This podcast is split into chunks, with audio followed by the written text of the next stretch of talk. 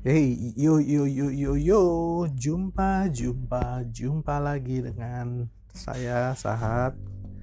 Selamat pagi teman-teman. Hmm, pagi ini saya coba uh, post satu konten, tapi maaf ini uh, adalah sharing atau refleksi saat teduh saya ya pagi ini. Uh, teman-teman, uh, pagi ini saya atau dalam dalam uh, bahan saat teduh saya itu uh, memulai kitab yang baru. Jadi kalau kemarin itu membahas kitab Rut, sekarang membahas kitab Hakim-Hakim. Kalau secara urutan di Alkitab ini kebalik ya, Hakim-Hakim dulu baru Rut seperti itu. Tapi ya sudah nggak apa-apa saya juga tidak terlalu tahu alasan uh, yang menerbitkannya. Nah, cuma ada satu ayat yang menarik yang saya akan bagikan dalam perenungan saya pagi ini yang saya coba kaitkan dengan eh, kehidupan kita sehari-hari ya. Nah, ayatnya teman-teman itu dari kitab Hakim-Hakim pasal yang pertama ayat yang kedua. Hakim-Hakim pasal pertama ayat yang kedua. Saya akan bacakan satu ayat ini ya. Firman Tuhan, suku Yehudalah yang harus maju Sesungguhnya telah kuserahkan negeri itu ke dalam tangannya. Sekali lagi saya bacakan firman Tuhan, suku Yehudalah yang harus maju, sesungguhnya telah kuserahkan negeri itu ke dalam tangannya. Ini uh, merupakan jawaban Tuhan atas pertanyaan uh, dari orang Israel karena waktu itu ceritanya Yosua sudah mati dan Israel itu tidak punya satu pemimpin atau satu figur pemimpin yang kemudian akan mengarahkan mereka untuk melakukan apa seperti itu ya. Jadi mereka bertanya kira-kira siapa yang harus maju duluan nih seperti ya untuk untuk menyerang uh, orang Kanaan. Uh, lalu kemudian Tuhan menjawab suku Yehuda yang harus maju. Sesungguhnya telah kuserahkan negeri itu ke dalam tangannya. Kita tidak masuk kepada diskusi uh, kenapa Tuhan memerintahkan untuk melakukan invasi gitu ya ke tanah orang ini.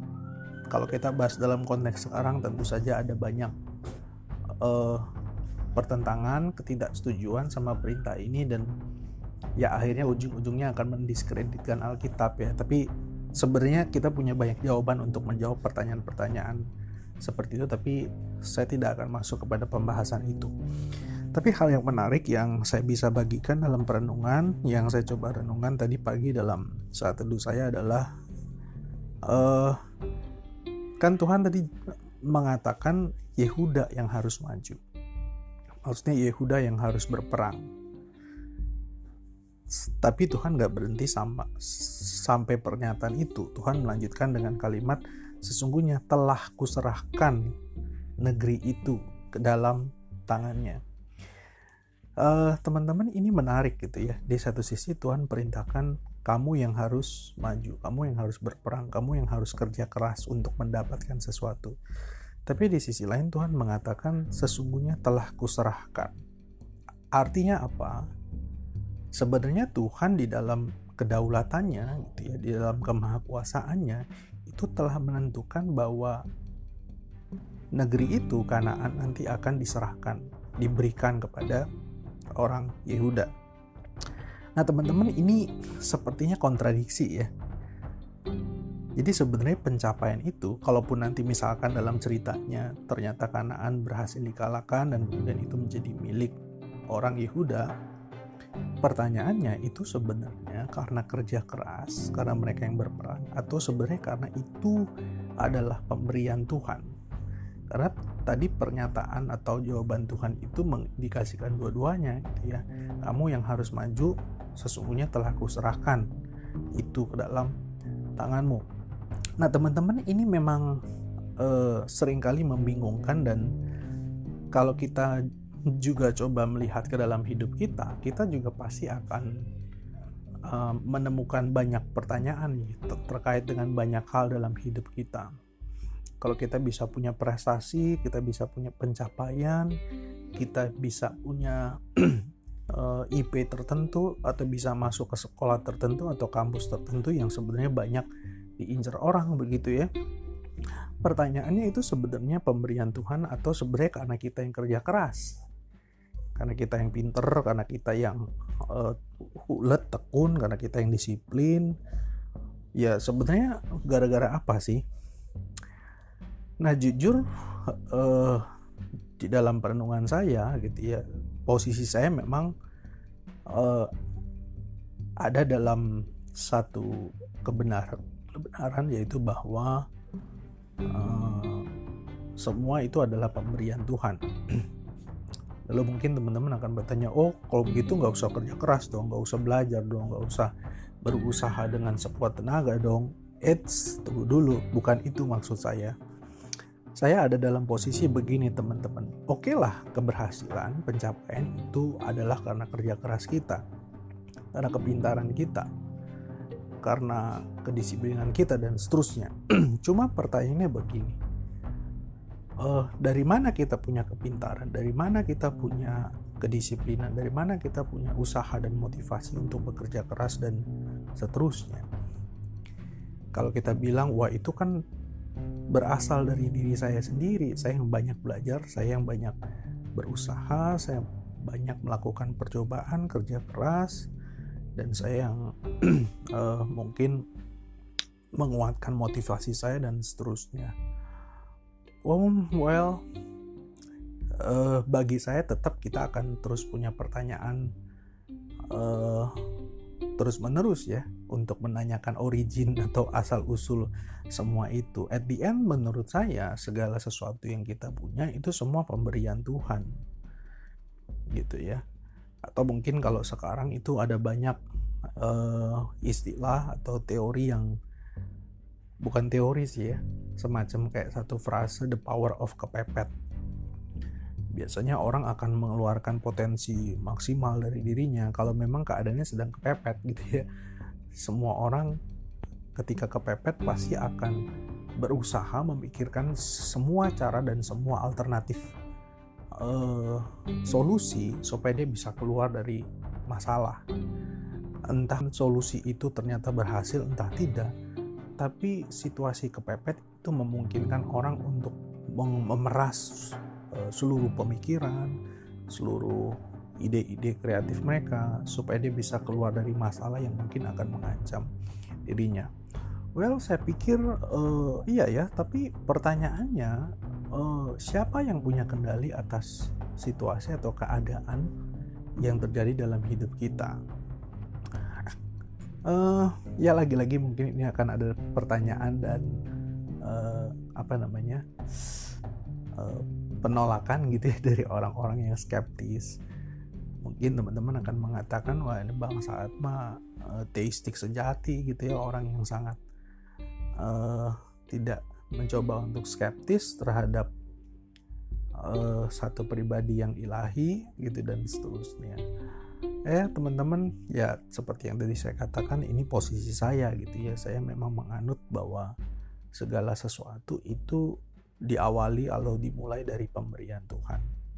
Termasuk ketika kita sanggup untuk bekerja keras, ketika kita sanggup untuk disiplin, ketika kita sanggup untuk uh, mengeluarkan seluruh potensi untuk mencapai sesuatu gitu ya, saya pikir itu semua pemberian Tuhan.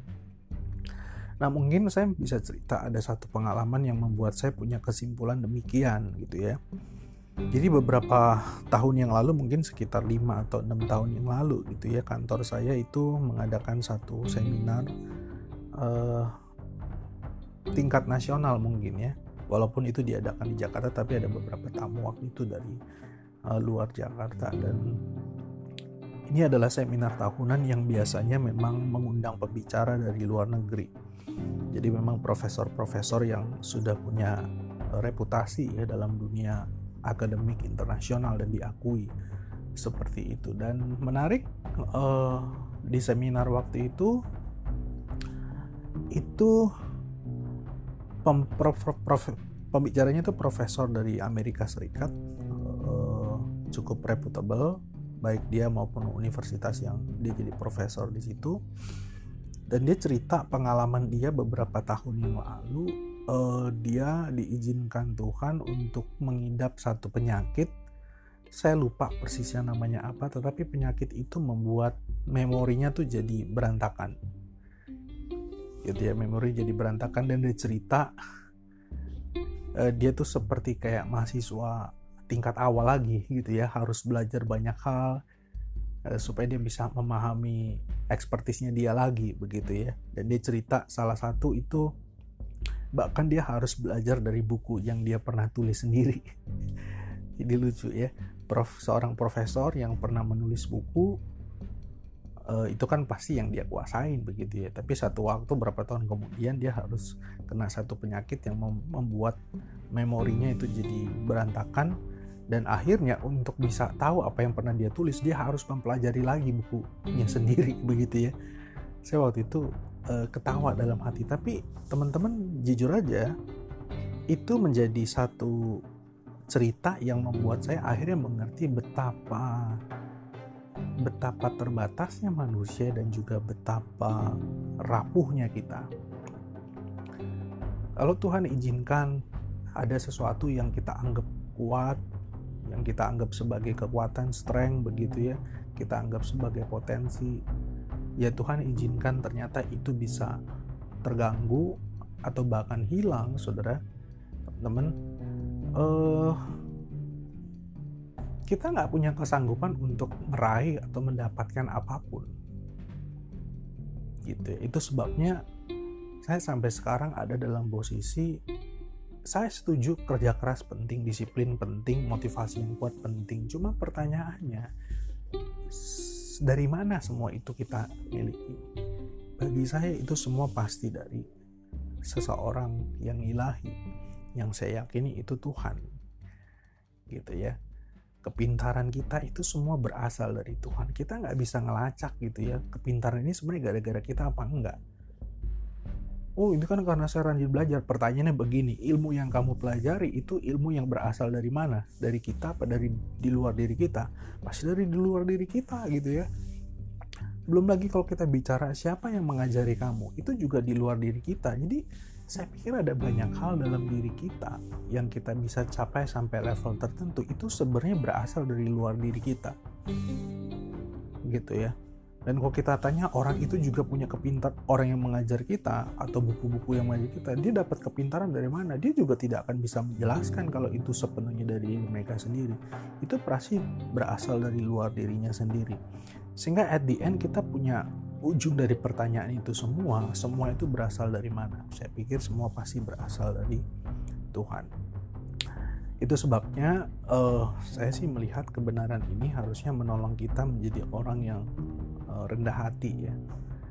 Rendah hati di satu sisi untuk tidak berpikir bahwa semua pencapaian kita itu karena kita semata.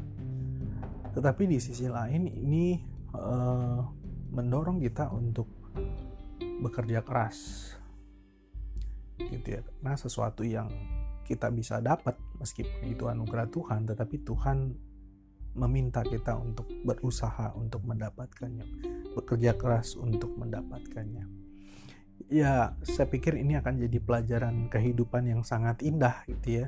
Kalau kita menjadi orang yang uh, punya humility kerendahan hati di sisi lain kita menjadi orang yang sangat giat bekerja keras maka itu akan pasti akan menjadi sebuah kehidupan yang menjadi berkat, kehidupan yang menginspirasi, dan kehidupan yang akan bukan cuma sukses tapi fruitful, berbuah.